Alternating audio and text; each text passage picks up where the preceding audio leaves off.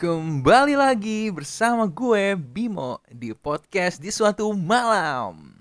Gila. Udah mirip penyiar-penyiar radio ibu kota begitu belum? Kayak apa penyiar-penyiar Prambors gitu-gitu kan. Kayak semua openingnya tuh harus happy banget gitu kayaknya. Padahal nggak tahu sih ada ada apa gitu kenapa dia happy banget ya. Oke, eh, halo halo semua. Eh, hari ini gue akan ngebahas lagi tentang sosial media. Eh, kemarin kan uh, gue udah membahas tentang uh, the two sides of social media gitu ya. Hari ini gue akan membahas apa aja sih uh, fenomena-fenomenanya gitu. Jadi sebenarnya tuh gue kepikiran topik sosial media ini berangkatnya dari fenomena-fenomena yang gue ketemuin dulu sebenarnya. Mulai dari kayak uh, apa nih kejadian-kejadian atau post-post orang gitu yang kok kayaknya uh, berulang ya berpola gitu. Uh, kan gue jadi notice gitu kalau sesuatu tuh berulang-ulang kan gue jadi notice gitu. Eh, nih muncul terus nih yang modelnya kayak gini nih. Nah dari situ uh, memunculkan perasaan boring dan malas ya. Nah gitu. tapi kemarin karena gue pikir uh, ini kayak terlalu terlalu ribet nih kalau gue ngebahas yang ini makanya gue mulai dari positif dan negatif efek dulu di episode sebelumnya secara singkat aja ya gue akan sedikit mereview uh, di episode kemarin apa aja sih positif dan negatif efek sosial media. Ya kalau positifnya kan mungkin hmm, lu bisa dapat sumber referensi dan informasi cepet gitu kan. Kalau misalnya lu bisa mengakses konten-konten dengan mudah cari hiburan gampang kemudian teknologi gitu-gitu. Setiap orang punya banyak kesempatan itu kan positifnya negatifnya salah satunya kemarin gue membahas tentang uh, vicious cycle of social media gitu ya. Uh, awalnya kita pengennya cari hiburan tapi kalau lama-lama jadi addicted terus gitu. Terus lama-lama kita jadi merasa dissatisfaction kalau ngelihat selebgram selebgram yang terlalu wadidaw wadidaw kehidupannya mewah gitu-gitu. Udah gitu salah satunya kemarin ada FOMO atau fear of missing out uh, ya udah gitu juga. Karena misalnya kemarin salah satunya tuh karena lo gampang connect sama orang uh, lo jadi gampang juga untuk bergaul dengan orang-orang yang negatif dan sebagainya. Kalau misalnya kalian belum dengerin ya silahkan dengerin dulu. Hari ini gue akan membahas uh, tentang narsisme di sosial media. Ini yang menurut gue salah satu uh, sifat yang dimiliki orang yang bener-bener munculnya tuh kelihatan banget di sosial media. Dan itu juga ber, bisa ditarik berakar pada uh, positif dan efek dan negatif efek kemarin yang gue bahas di episode sebelumnya. Oke jadi satu hal yang gue perhatiin ya. Di medsos itu kan orang-orang kan bisa dibilang semuanya nars narsis dan self absorption ya. Mikirin diri sendiri banget gitu uh, itu tuh didorong oleh menurut gue salah satunya karena lu hidup dalam bubble ya kan? Lu ngelihat apa yang lu pengen di Instagram. Uh, terus lu juga fear of missing out dan kawan-kawan. Nanti nanti akan gue jelasin. Yang pertama menurut gue adalah mentality di mana semua orang tuh pengen banget beda dari yang lain. Kan semua orang gitu kan zaman sekarang. Gue pengen beda nih dari yang lain gue pengen stand out pengen viral pengen famous sebagai influencer sebagai selebgram dan kawan-kawan. E, bahasa kerennya itu KOL e, eh, buat lolo pada yang katro yang nggak ngerti KOL itu artinya key opinion leader. Lu tinggal cari di Google definisinya apa oke? Nah ini sebenarnya yang gue nggak paham.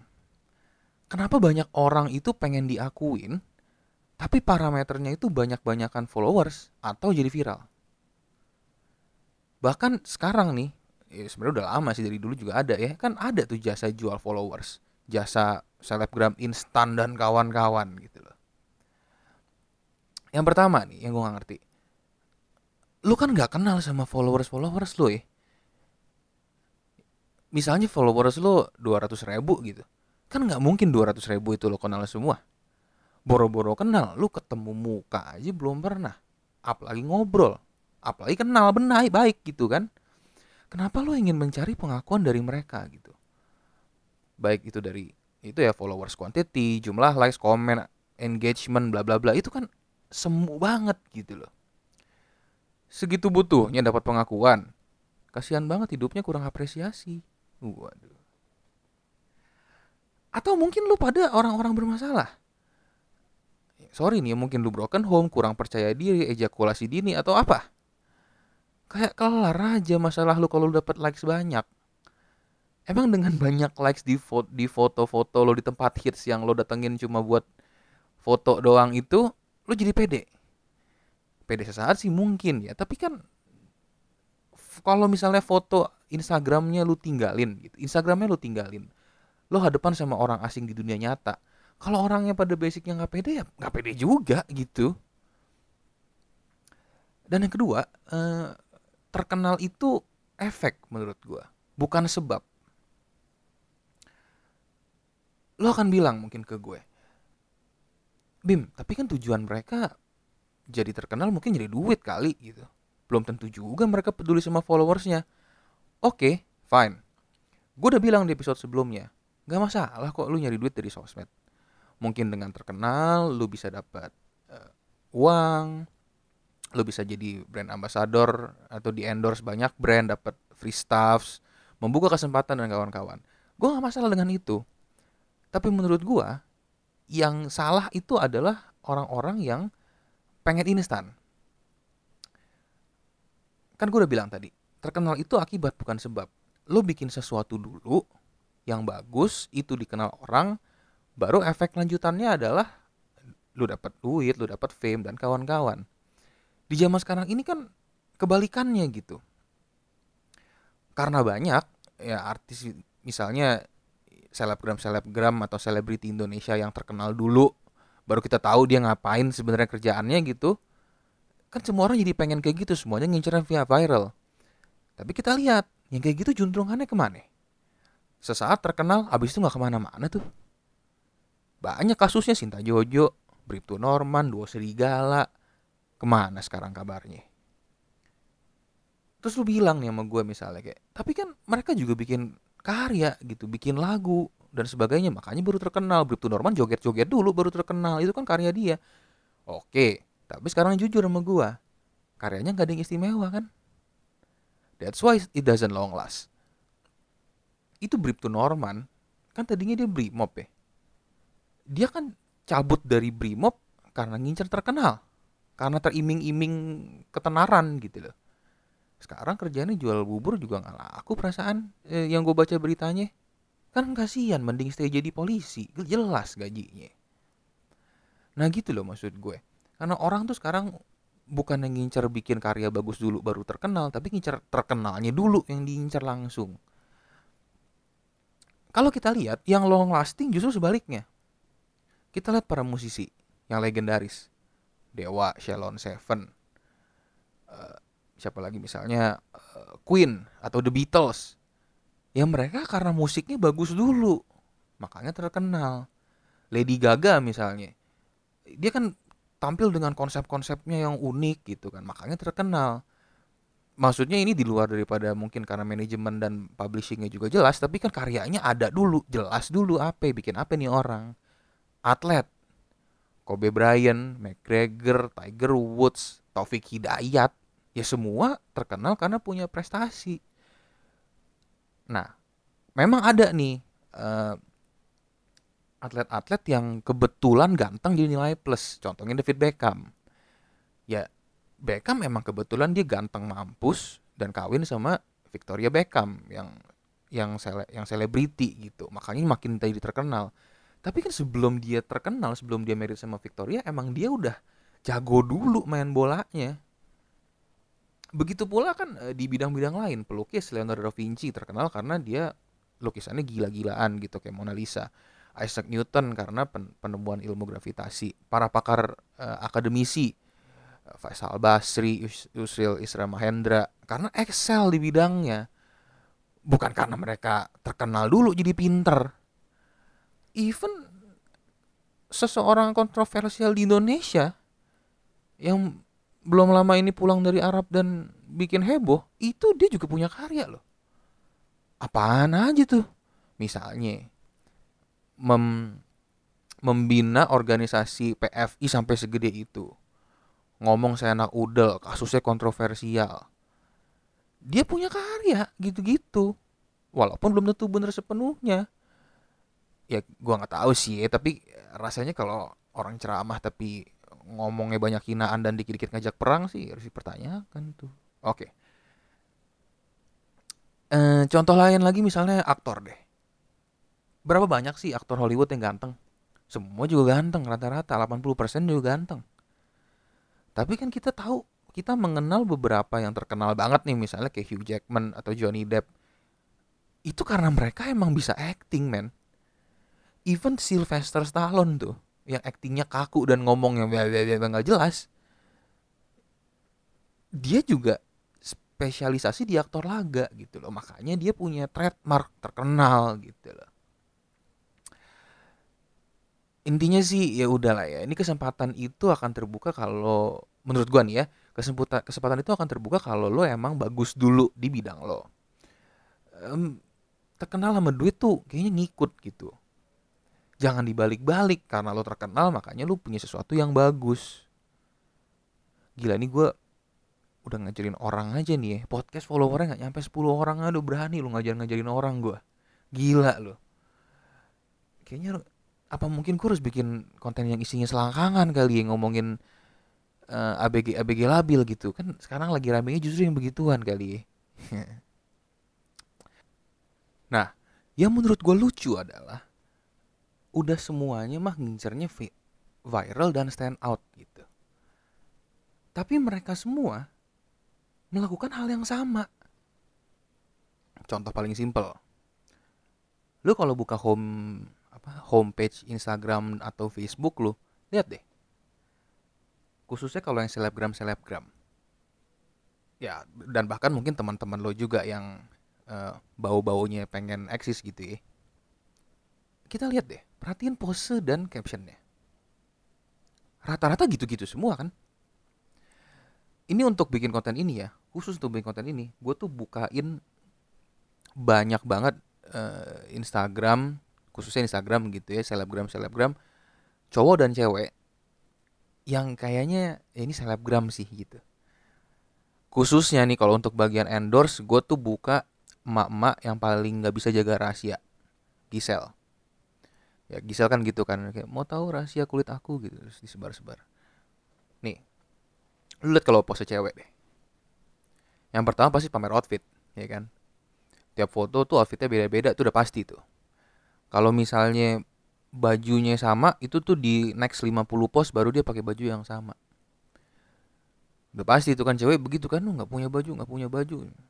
Ntar kalau misalnya uh, di next 50 post bajunya baru sama nih biar eh, jarak jaraknya jauh nih gitu. Kalau nggak ntar kalau ketahuan waduh ntar kira gue nggak punya duit nih nggak bisa beli baju baru. Nah, kayak gitu gitulah yang kedua nih pamer bukan badan. Itu udah sering banget tuh selebgram selebgram mau yang badannya beneran curvy mau yang badannya krempeng begitu tapi bokong-bokongnya tuh di udah ke belakang ke belakangin begitu biar curvy aja gitu kelihatannya seksi gitu kan bohai gitu Terus lagi nih, pose-pose angkat tangan keteknya kelihatan ya kan. Aduh. Kalau itu sih emang agak bikin-bikin gimana gitu. Cuma kayak eh semuanya sama gitu. Udah gitu pose di mana dia ngibas rambut tapi mukanya eh, noleh ke kanan atau ke kiri gitu, candid gitu. Nah. Atau ada juga yang apa ya, eh, duduk nih misalnya duduk gitu udah gitu pakai hot pants ya kan kakinya disilang dadanya dimajuin gitu set dibusung-busungin gitu. Tadi mejanya taruh tas gitu kan. Pasti begitu tuh rata-rata tuh. Banyak yang kayak gitu. Kalau cowok nah biasanya nih lagi fitness ya kan. Set ngangkat barbel di waduh atau pamer otot ya kan. Pamer otot gitu pakai baju misalnya mungkin yang agak-agak ketat gitu kan yang yang apa polo shirt tapi di atas bicep dikit gitu kan terus ketat gitu kan gitu gitu kan ya, mending badannya bagus ya lah kalau enggak kalau cowok tuh udah paling sering tuh pamer barang ya kan Us, jam tangan ya kan pamer nih lagi lagi nyetir nih ya kan atau lagi senderan di mobil Dan tentu saja candid post. Ini aduh. Ini nih ngomong-ngomong candid ya. Ini siapa sih Dajjal yang menemukan konsep ini tuh siapa gitu. Kalau candidnya bagus, terkesan natural, gue nggak apa-apa. Emang jadinya bagus.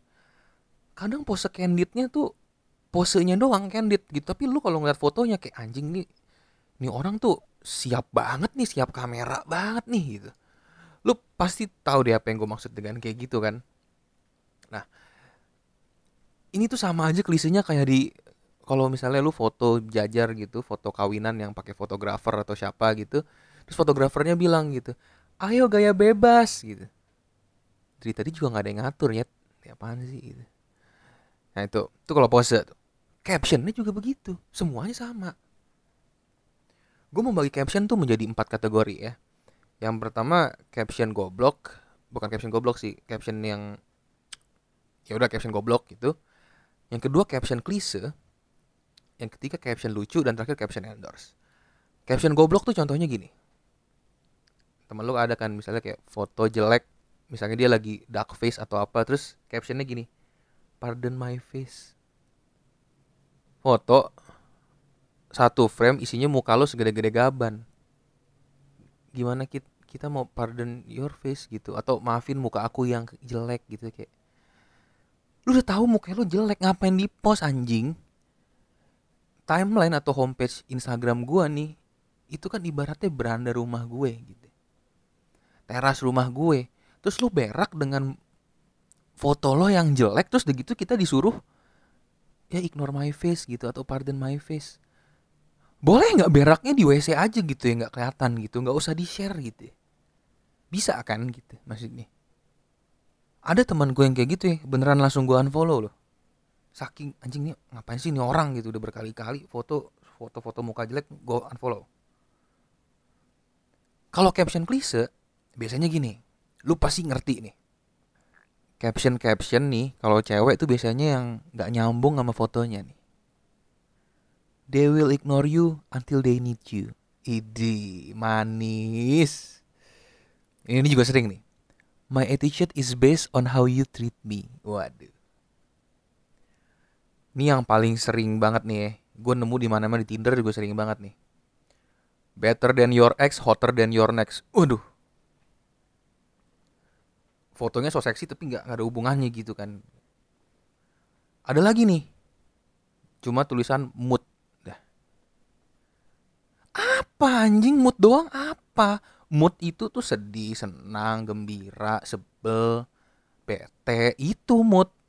Bukan pamer pakai t-shirt endorsan.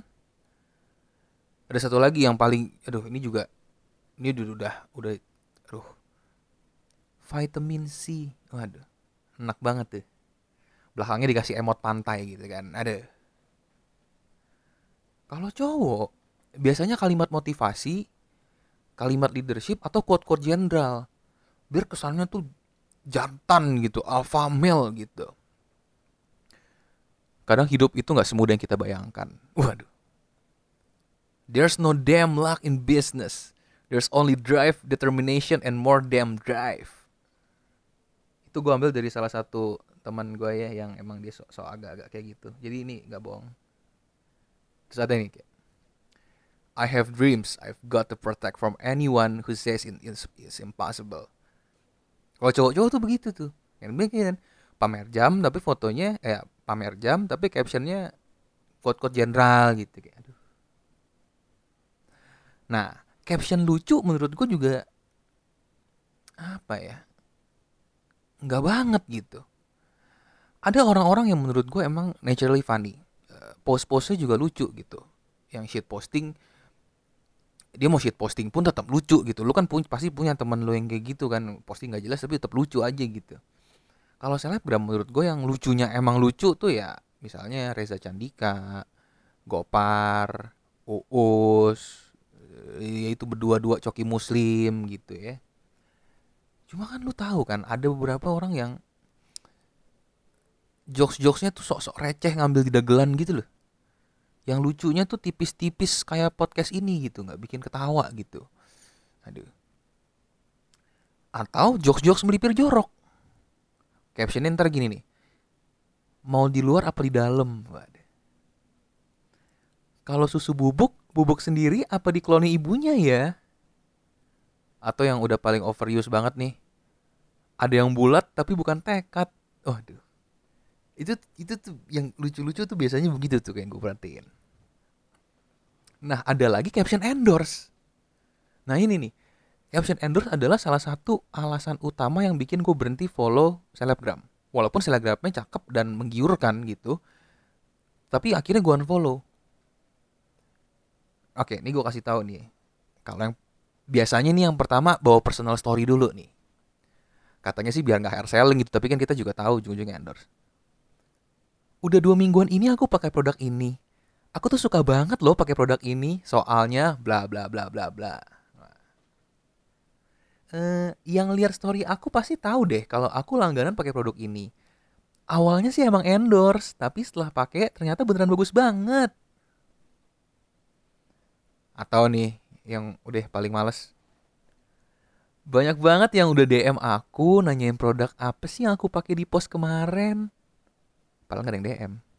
Anjing emang. Nah, udah awalnya kan bawa personal story kan. Habis itu kalimat key pointers. Misalnya kalau parfum gitu. Wanginya bener-bener temenin aku seharian loh. Beda banget sama merek lain, suplemen ini mengandung bla bla bla bla gitu kan. Ya itu emang mungkin disuruh brand gitu ya, cuma kan kayak aduh diperhalus dikit dong gitu. Ah, iklan banget sih gitu. Nah, abis itu biasanya ada juga kalimat ajakan. Guys, uh, Udah tahu belum ada produk ini? Guys, ada kabar gembira nih. Brand A ada produk baru. Serum anti-aging dengan kandungan bla bla bla key pointers lagi gitu. Atau atau ini nih kayak Buat kalian yang sama kayak aku di mana aktivitas sehari-hari padat, wajib banget kalian pakai ini. Kayak waduh. Semuanya kan begitu rata-rata kan. Udah captionnya begitu. Kalau misalnya bikin video juga sama kalau uh, beauty vlogger tuh biasanya pakai beauty light tuh yang lampu bulat di depan begitu kan. Uh, halo guys gini gini terus gitu uh, produknya tuh dideketin ke kamera tuh. Pakai tangan kanan tangan kirinya ngeblocking di belakang biar nggak blur gitu kan nah biar fokus gitu kayak waduh. Itu kalau endorse misalnya produk lain makanan itu juga sama kacaunya. Sampai keluar dibikin filter memenya kan nggak ngerti lagi. Mau nangis nih Sumpah aku suka banget. Seenak itu. Nih ya. Gak ngerti lagi tuh gimana. Seenak itu tuh seenak apa? Lu kalau mau nge-review makanan yang jelas dong. Rasanya gimana? Pedes atau manis?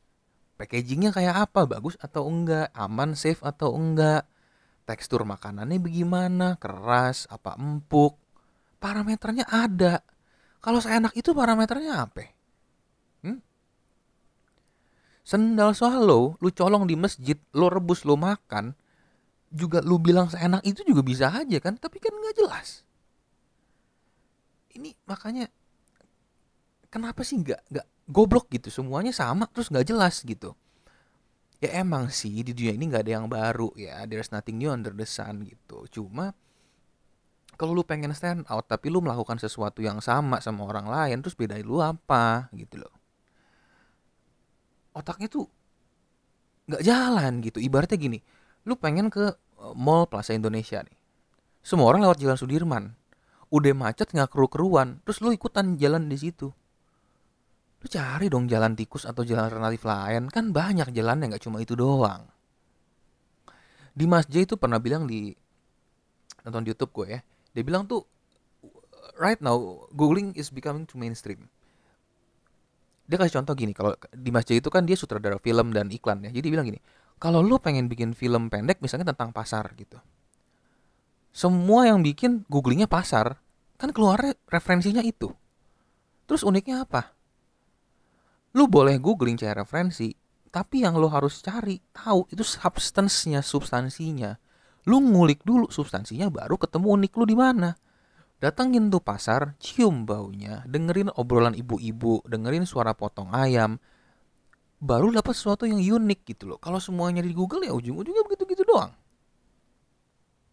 Nah, udah semuanya mah ngelakuin hal yang sama kayak gitu. Ini diperparah dengan uh, satu hal yang namanya kan FOMO. Gue udah bahas tuh di episode sebelumnya. Hmm, siapa di sini yang pendengar yang mungkin punya temen atau bahkan lu sendiri gitu ya yang kerjaannya tuh ngincer tempat hits buat foto? Pasti ada nih kan? Contohnya nih waktu tahun lalu apa dua tahun lalu ya di kan ada pameran tuh di museum macan tuh ya Yayoi Kusama yang bulat-bulat itu. Terus di Bandung ada Rabbit Town. Nah, jembatan JPO kan yang di Jakarta juga kan pada rame tuh kemarin foto-foto. Terus sekarang nih pada saat ini yang lagi heboh kan Kumulo BSD lu cari lu ketika di Google. Tempat hits Instagramable keluar semua. Nah sebenarnya ada satu sisi yang bagus ya maksudnya kan kalau misalnya lo foto di foto tempat tempat aja di hits uh, orang tertarik untuk datang rame mungkin kan mendatangkan sales buat tokonya gitu walaupun gue tahu sih banyak juga kan daripada lo pada yang datang ke sono misalnya ke Omnia Bali gitu kan foto di jembatan yang belakangnya ada bangunan kubusnya gitu kan. Paling cuma beli satu gelas minuman doang terus cabut gitu karena kemahalan kan? Nah eh, ada aja sih sebenarnya. Orang mungkin yang eh, suatu datang ke suatu tempat karena penasaran gitu. Lagi hits nih eh, gue kesono ah gue pengen tahu kayak apa. Itu nggak masalah buat gue yang gue nggak get adalah orang-orang yang datang ke tempat hits cuma buat ngejar foto supaya dia dikira hits juga wah si Andi udah ke sono nih. Gaul banget doi. Nah, itulah yang makanya eh, gue masukin ini adalah ke, ke kategori FOMO yang didorong oleh narsisme tersebut. Karena lu datang, lu tuh mengejar ujung-ujungnya mengejar like dan pengakuan. Nih, sekarang gue kasih skenario nya. Lu kejar jauh-jauh tuh tempat tuh tempat hits ya. Mending kalau pergi sendiri. Kalau cewek-cewek nih pasti ada deh rewel minta dianterin cowok atau suaminya Padahal sebenarnya cowoknya nggak mau ke sono ya kan, pengennya di rumah leha-leha doang gitu, atau jalan-jalan yang deket-deket aja dah gitu. Tapi lu rewel lu minta anterin ke sono. Oke, udah nyampe sono. Nyampe sono, lu pengen foto di spot yang bagus yang semua orang foto di situ. Ya karena spot itu udah rame, lu ngantri dong, nungguin si si A foto dulu cabut, si B foto dulu cabut baru lu gitu. Udah lu sampai di spot itu, lu jepret jepret jepret jepret. Yang diulang sampai seribu kali sampai badan dan muka lo kelihatan bagus itu yang disuruh foto siapa? Cowok lu juga kan? Nah. mending kalau cowoknya misalnya punya sense of fotografi yang bagus gitu ke cowok-cowok kan rata-rata foto udah jebret ngasal aja. Nah makin lama dah tuh. Terus lu post jebret seneng dapat like kan wah di komen juga nih mantep nih udah ke sono lo gaul banget bla bla bla setelah itu apa Minggu depan temen lo juga udah lupa lo ke sono. Lu udah capek-capek nyusahin orang, dilupainnya cepet. Happy-nya semu banget ya sementara doang gitu. Waduh. Terus ini jadi yang bertanya-tanya nih. Iya juga ya bener juga kata Bimo ya gila. Gue semu banget sih selama ini kebahagiaan gue. Waduh.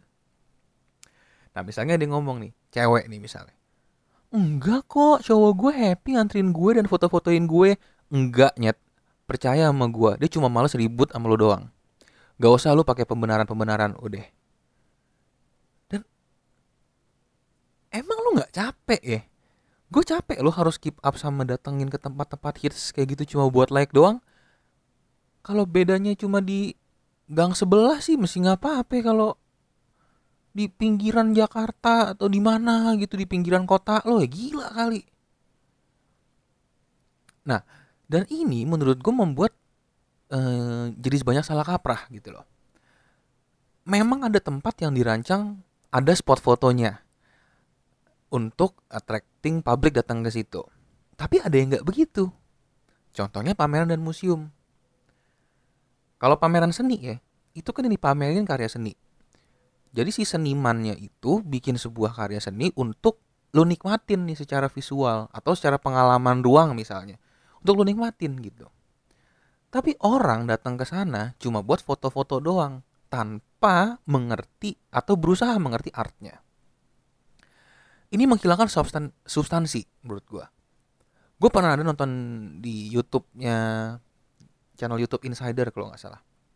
Sekarang fenomenanya adalah art itu, seni itu dibuat cuma buat foto komersil doang, bukan for the sake of the art. Jadinya banal. Kam bukan kampung sih, ya banal rendah gitu.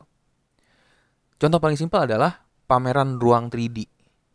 Lo tahu kan yang lo foto uh, kesannya lo dimakan hiu terus berdiri di lo berdiri di dinding di, sam, di apa lo berdiri di dinding gitu bukan di lantai gitu kan ya biasanya keluarga keluarga-keluarga yang anaknya masih pada bocah-bocah tuh yang dibawa ke situ gitu. Ya nggak apa-apa nggak salah cuma ya norak. Iya. Itu masih mending deh kalau soal pameran gitu ya. Yang lebih mengkhawatirkan itu kalau alam. Banyak contohnya. Itu uh, di Taman Nasional Komodo Gili Lawa itu kan sampai kebakar tuh hutannya. Habis satu hutan gue gara-gara si Gili Lawa itu gue sempat nyari-nyari. Di California ada namanya Taman Bunga Matahari. Uh, jadi padang rumput gitu itu bagus banget. Isinya uh, bunga matahari itu satu padang rumput itu ditumbuhin oleh bunga matahari. Bunga matahari itu tumbuh karena saat itu curah hujannya lagi tinggi.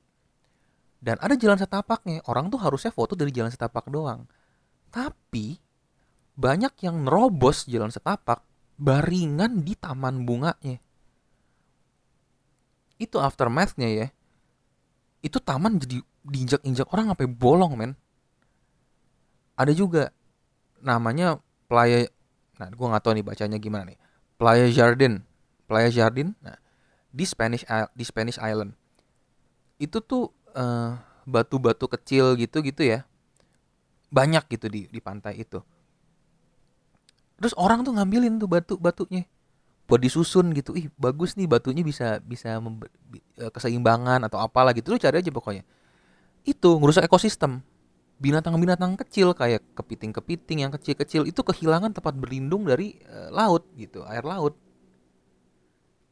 Nah kayak gitu-gitu loh, lu pengen karena lu saking ngejar hits, lu pengen rusak alam gitu loh. Itu gue concern di situ. Selain tadi, saya lu ngejar tepat hits, uh, FOMO tuh salah satu contohnya adalah ikutan tren. Contohnya gampang. Lu lihat kalau temen lu ada yang olahraganya musiman. Itu udah FOMO dah tuh pasti. Maksudnya olahraga musiman tuh gini. Bulan ini dia foto lagi running nih lagi lari gitu di GBK misalnya. Bulan depan nih main golf nih. Bulan depannya lagi sepeda nih. Bulan depannya lagi climbing nih. Pokoknya tem temen lu olahraganya ganti-ganti aja, termasuk tergantung lagi ramenya apa udah begitu. Itu FOMO tuh. Atau misalnya kemarin lagi heboh bikin kopi dalgona ya kan. Wah bikin kopi dalgona nih diaduk-aduk nih bla bla bla. Cuma sekali buat Insta story Abis itu nggak bikin lagi deh. Besok-besok juga bikin kopi sasetan kan kalau nggak beli di Starbucks ya. Ya aneh gitu. Lu lu kalau mau nyoba sesuatu karena lu penasaran nggak apa-apa gitu. Cuma kalau ujung-ujungnya cuma buat lu kalau tujuan main purpose-nya adalah buat lu share, buat dilihat orang, dia dianggap keren, itu tuh what for gitu, aneh gitu deh. Nah, salah satu bentuk narsistiknya lagi itu adalah orang jadi doyan pamer. Contoh paling simpel, foto-foto atau post uh, yang lu follow teman-teman lo yang doyan pamer barang mahal. Gue nggak masalah sebenarnya sama pamer barang mahal. Biasa men parang pamer barang mahal. Yang pertama itu hak lo ya kan buat ngepost itu. Yang kedua mungkin lo udah kerja keras untuk bisa beli jam tangan itu misalnya. Uh, Rolex atau Tag Heuer atau apalah gitu ya halal atau enggak ya terus urusan lo yang di atas lah ya cuma intinya lu udah kerja keras deh gitu tapi yang gue paling sebel tuh ada loh orang-orang yang ngasih embel-embel embel-embel motivasi gitu e, ini gue post bukan buat ria bukan buat sombong tapi supaya kalian terinspirasi berusaha lebih keras dan sadar bahwa kerja keras membuahkan hasil udah tai lah udah jujur aja lu pengen pamer udah selesai kan nggak usah pakai embel-embel motivasi orang lain gitu loh lu nih dengan jabatan sebagai manajer perusahaan multi korporat gaji 30 juta sebulan. Lu kerja keras bisa lu beli tas Louis Vuitton gitu. Tapi kalau ku lu ban lu ngomong itu terus yang nonton kuli gitu. Kuli bangunan, dia mau kerja keras banting tulang sampai kayak apa juga beli tas LV tadi juga setengah mati gitu loh. Gak usah lah ngasih harapan-harapan semua ke orang pakai embel-embel. Kita pengen memotivasi kalian. Enggak nyet enggak. Udah. Yang gue gak ngerti lagi pesta anniversary artis. Uh, seleb selebriti aneh ya orang tuh bilang artis artis tuh kan seniman sebenarnya selebriti lah. Selebriti nih bikin pesta anniversary.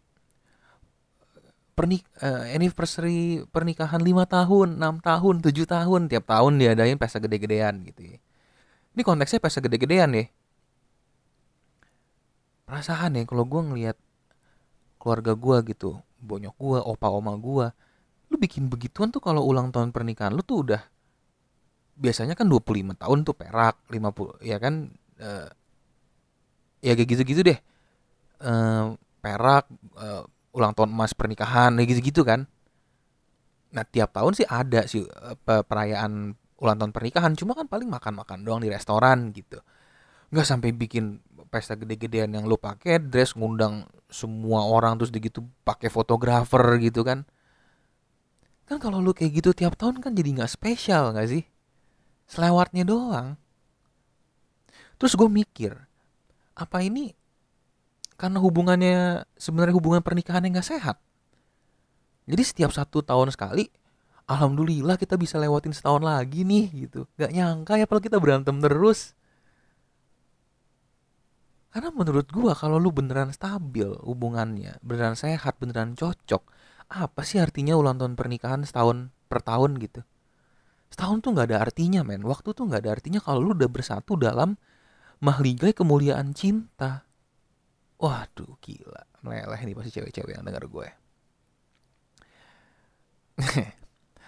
ada lagi konten pamer yang gue paling parah menurut gue itu charity dokumentasi charity itu bagus. Misalnya, kalau misalnya perusahaan menjalankan CSR atau instansi e, pemerintahan misalnya TNI AD mengadakan kerja bakti, oke, e, di share nggak apa-apa sebagai bagian dari laporan PR gitu. Nah, yang gua agak sanksi ini yang akun pribadi nih.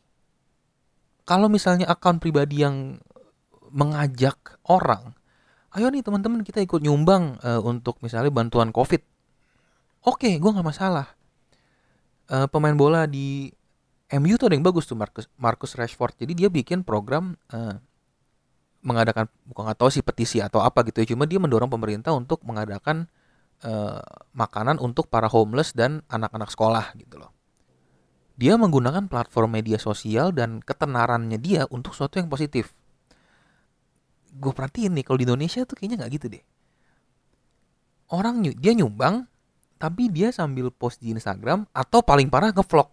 Nah, terlepas dari niat lu bantu orang, kenapa sih harus di vlog?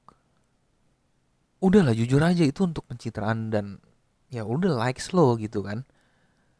Lu pernah dengar gak sih istilah kalau tangan kanan ngasih, tangan kiri nggak boleh tahu.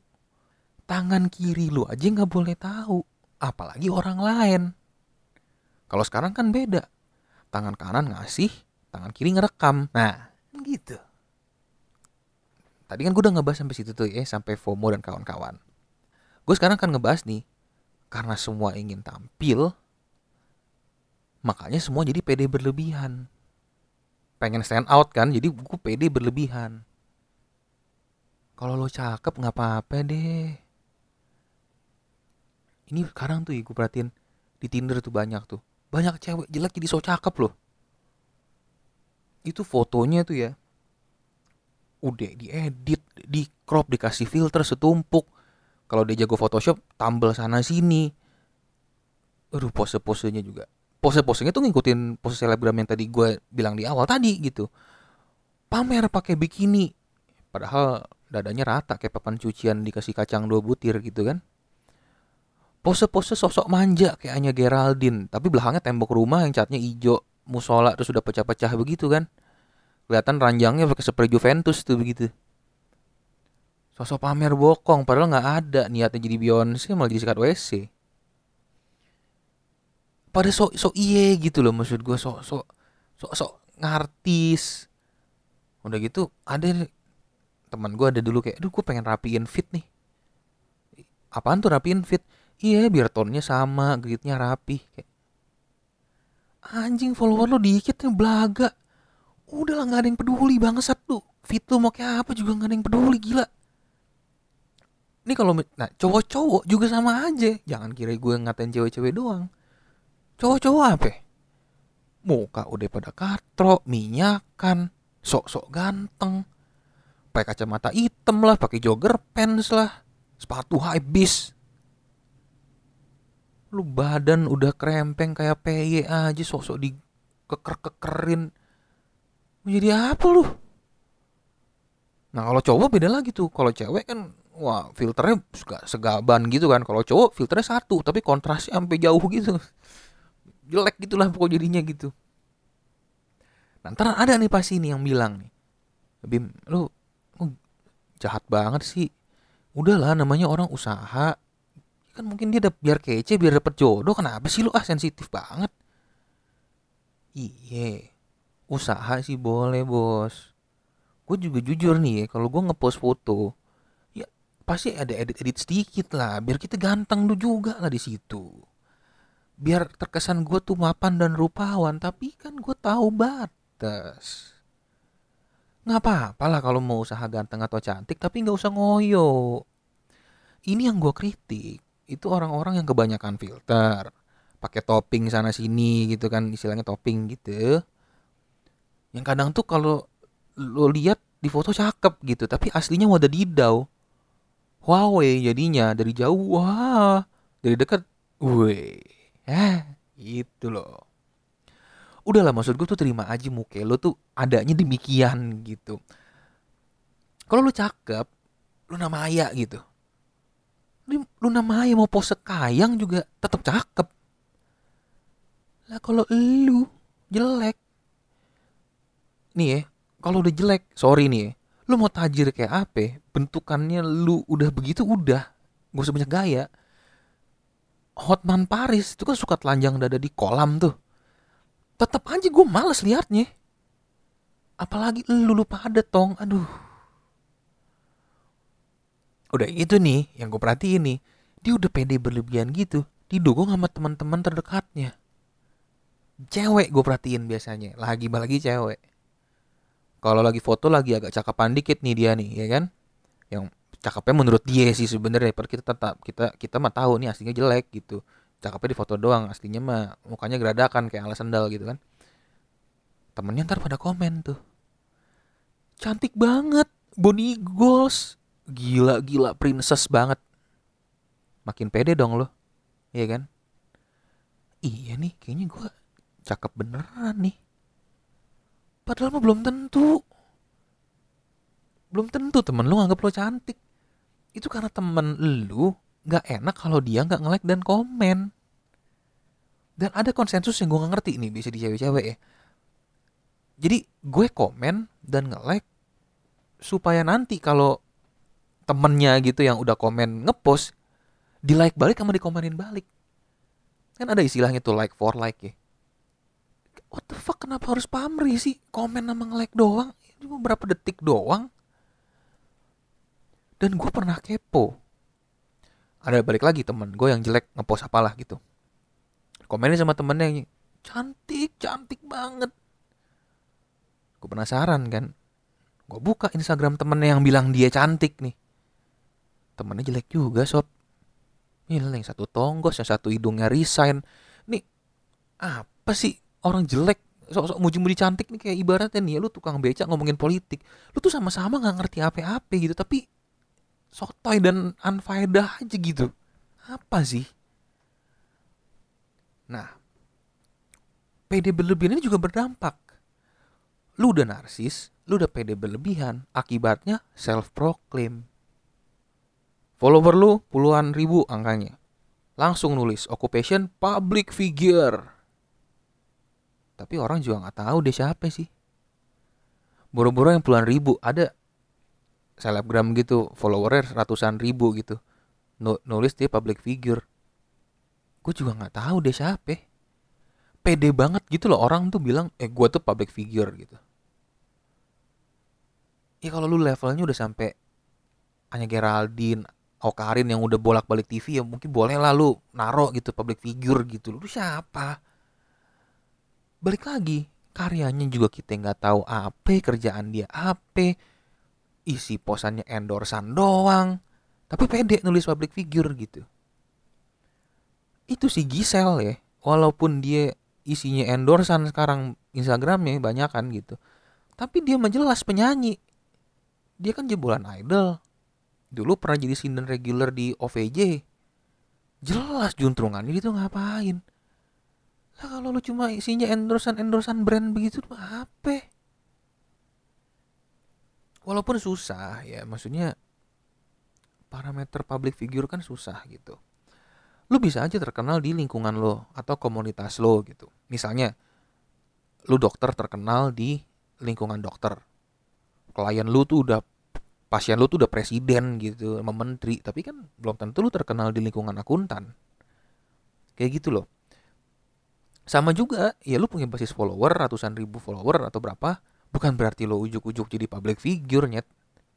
Lu harus lu harus sadar juga lu tuh bu, bukan presiden yang rata-rata satu Indonesia tahu gitu. Lu orang biasa udahlah gitu. Itu kalau public figure. Yang gue juga nggak ngerti kalau self claim profesi waduh. Ada bocah baru open mic stand up tiga kali langsung pasang contact person Oke, passionnya langsung komedian. Waduh. Jualan baru mulai sebulan nulisnya entrepreneur. Waduh. Ada kan pasti kayak gitu ada tuh. Temen lu juga pasti ada yang kayak gitu. Baru upload nih. Main cover lagu di piano gitu. Uh, semenit semenit 3 sampai 4 kali ngepost. Masih jelek, masih jelek gitu. Main piano juga masih ngaco-ngaco nulisnya musician. Waduh ada lagi yang misalnya nulis-nulis financial coach, life coach, parenting expert. Dulu ada teman gue nih, masih kuliah arsitek sob, nulisnya dia udah arsitek. Dulu saya belum. Yang kayak gini-gini kan maksud gue, yang namanya profesi kan ada etika profesinya, sertifikasinya jelas, belajarnya di mana. Ya kalau lu cuma bikin konten satu dua kali terus viral sih bukan berarti lu ahli di bidang itu ya. Ya gue juga bisa kalau gitu. Gue baru bikin podcast episode baru ke tujuh nih sekarang. Gue bikin profesi gue tukang marah-marah profesional gitu atau apalah gitu. Karena isi podcast ini isinya marah-marah doang gitu. Tapi kan ya nggak gitu gitu maksudnya gitu loh. Nah udahlah narsis udahlah pede gak ketolongan self proclaim, skill nggak nyampe, jadinya apa? Berkarya dengan standar yang rendah. Ini gue perhatiin banyak nih, apalagi sekarang lagi corona. Temen gue belajar bikin kue, foto. Cover lagu dikit, foto, share. Kalau lagu rekam sih. Apa dikit share, apa dikit share. Masak e, nasi goreng, share sebenarnya gue nggak balik lagi gue nggak masalah kalau ya udah lu pengen share doang. Tapi ada beberapa yang kelihatan banget nih kayak pengen tenar banget nih gitu. Apa apa di share apa share aduh gini ya. Apa apa apa apa di share apa apa di share itu tuh bikin standar menurut gue jadi rendah. Orang tuh jadi sombong. Merasa uh, jago nih gue di semua hal gitu. Apa salah parameternya? Banyak muncul orang-orang sok cantik sok lucu sok jago padahal enggak ini ya ini gue nggak ngerti konsensus orang-orang main sosmed atau standar gue yang ketinggian gue nggak ngerti. Tapi gue perhatiin banyak gitu. Ini kalau misalnya didengar sama teman-teman gue yang tersinggung maaf ya, ya. Gue nggak bilang lu sih tapi kayak ya lu sadar diri aja gitu. Kalau misalnya ada yang apa-apa di share apa-apa di share gitu kayak come on man. Come on man. Kalau share lu baru masak masak sedikit nggak apa-apa gitu. Cuma kayak ya gitu deh gue susah ngejelasin tapi kadang-kadang kan lu tau lah gitu ada orang yang pengen share doang ada orang yang pengen share untuk dipuji. Nah itu. Uh, karena tadi udah pede bla bla bla bla bla standar rendah lanjutannya apa? Anti kritik ini gue banyak kan lihat di bocah-bocah sih. Konten creator atau youtuber atau apalah selebgram gitu ya gue nggak follow follow mereka sih gue nggak nontonin. Tapi gue sering dengar dari podcast podcast atau konten konten musik stand up gitu gitu orang tuh sering bocah-bocah gitu ya. Ini punya mentalnya tuh jadi ini kan karya gue. Terserah dong gue mau ngapain. Kalau nggak suka ya lo nggak usah dengerin lah. Cari dengerin aja yang lain. Iya sih itu karya lo sih. Tapi lu upload lu naruh di ruang publik tuh. Gimana nih? Lu kan harus tahu dong saatnya lu harus tampil saatnya lu belum tampil. Kalau karya lu masih jelek lo upload ada yang bilang itu jelek lu nggak boleh marah. Lu kan ngepost sesuatu ke ruang publik semua orang bebas mau ngomong apa aja. Lu nggak bisa ngatur mulutnya dia, lu nggak bisa ngatur tangannya dia, lu nggak bisa ngatur dia mau nonton atau enggak. Ya dia nggak, lu nggak bisa ngatur dia mau komen marah-marah atau enggak gitu. Daripada lu pusing-pusing membela diri, mendingan lu muhasabah. Melihat ke dalam diri lu karya lu emang mungkin masih jelek. Itu sama perdebatannya kayak cewek-cewek yang kalau foto seksi terus dikomenin dikomenin pervert gitu. Foto misalnya kebuka dikit gitu ya pakai gaun Sabrina yang pundaknya kelihatan dikit belahannya kelihatan dikit terus dikomenin gitu. E, gede banget gede banget. Terus lu marah otak lo jangan mesum dong. Pakaian gue kebuka kan bukan berarti gue jual badan. Ya iya lo nggak salah sih ngepost kayak gitu nggak salah. Dan bener juga bukan berarti lo jual badan tapi lo post di medsos. Balik lagi lu post di ruang publik. Ya kan? Udah gitu komennya kagak lu lock. Dan lu kan dengan ngepost kayak gitu lu kan membuka celah lebih besar buat dipervertin gitu loh. Kecuali lo kirim foto bugil lo ke pacar lo di WA japri tiba-tiba kesebar di publik. Nah lo boleh ada marah-marah karena peruntukannya untuk private. Gitu loh. Nah itu kembali ke topik berkarya misalnya kayak di stand up komedi gitu. Itu kan ada tahap namanya open mic. Itu ngetes jokes lu tuh lucu atau enggak kena nggak nih ke orang pamernya nanti kalau lu udah pas show beneran yang udah final materi jokes lu lucu. Ya lu boleh publish open mic buat teaser tapi kan not whole show. Desainer fashion. Mana pernah desain desainer desainer fashion yang draft draft desain yang jelek-jelek yang ditolakin sama bosnya di pamerin enggak men. Yang dianggap karya kan ya karya jadinya gitu loh.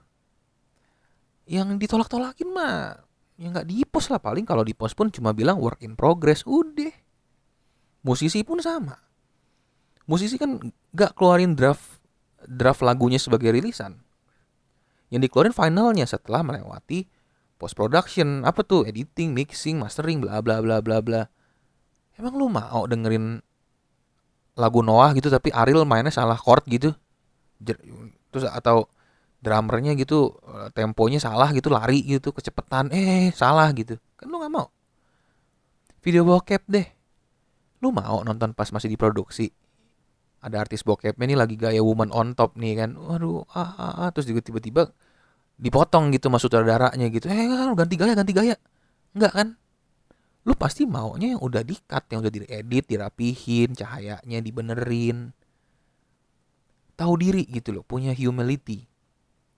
Jangan maksa semua orang harus suka sama karya lo. Harus harus bilang karya lo bagus. Enggak. Intinya sih bijak lah. Dalam bersosmed tuh bijak. Lu mengkurasi apa yang perlu di-share, apa yang perlu lu komen, atau apa pun.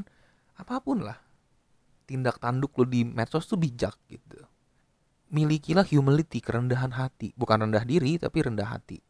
Ya sadarin aja kita tuh orang orang biasa gitu. Masih ada langit di atas langit gitu. Dan gue disclaimer ya, gue ngomong gini bukan yang paling benar. Cuma gue menemukan banyak kelucuan dan kebodoh-bodohan di Instagram gitu khususnya gitu. Yang sedikit banyak toxic terus gue jadi unfollow unfollow juga ujung-ujungnya gitu Anjir, ini sekarang udah jam 5 pagi nih ya. Oke, ini gue akan menutup eh, dengan memberikan dakwah. Asik. Kalau kata Kurai Shihab nih, bokapnya Naswa Shihab Mbak Nana. Orang itu cenderung bodoh dan sombong. Bodoh karena nggak ngerti apa-apa, tapi sombong karena bisa merasa perfect atau berbakat. Di surat Luqman ayat 18 ada tuh firman Allah. Dan janganlah kamu memalingkan mukamu dari manusia karena sombong, dan janganlah kamu berjalan di muka bumi dengan angkuh. Sesungguhnya Allah tidak menyukai orang-orang yang sombong lagi membanggakan diri. Di Alkitab, di Kristiani juga ada. Ada yang namanya itu seven sins, seven deadly sins. Tujuh dosa dasar manusia. Itu yang paling parah dari ketujuh-tujuh itu. Apa? Pride, man kebanggaan, pride itu yang paling parah itu. Segala lu ngejar like, sengaja lu diakuin di medsos, follower bangga-bangga, bangga-banggain follower jumlahnya berapa, anti kritik, itu kan masuknya semua ke dalam pride. Sombong, tinggi hati, angkuh. Nah, makanya balik lagi. Rendah hati. Ya, gila nih. Di bulan Desember nih gue gila men. Sufi banget gitu gue loh Wah, anjing. Self proclaim juga gue sama aja kayak tadi ya kan. Oke, semoga khotbah ini bermanfaat ya buat kalian-kalian deh. Semoga mungkin kalian terhibur juga dengan jokes-jokes gue yang lucu-lucu nggak lucu itu. Jangan ke mana-mana. Masih ada satu topik tentang medsos ini di bagian terakhir, yakni kebebasan bicara di media sosial. Oke, sekian dulu gue pamit. Assalamualaikum warahmatullahi wabarakatuh. Salam sejahtera. God bless. Bye.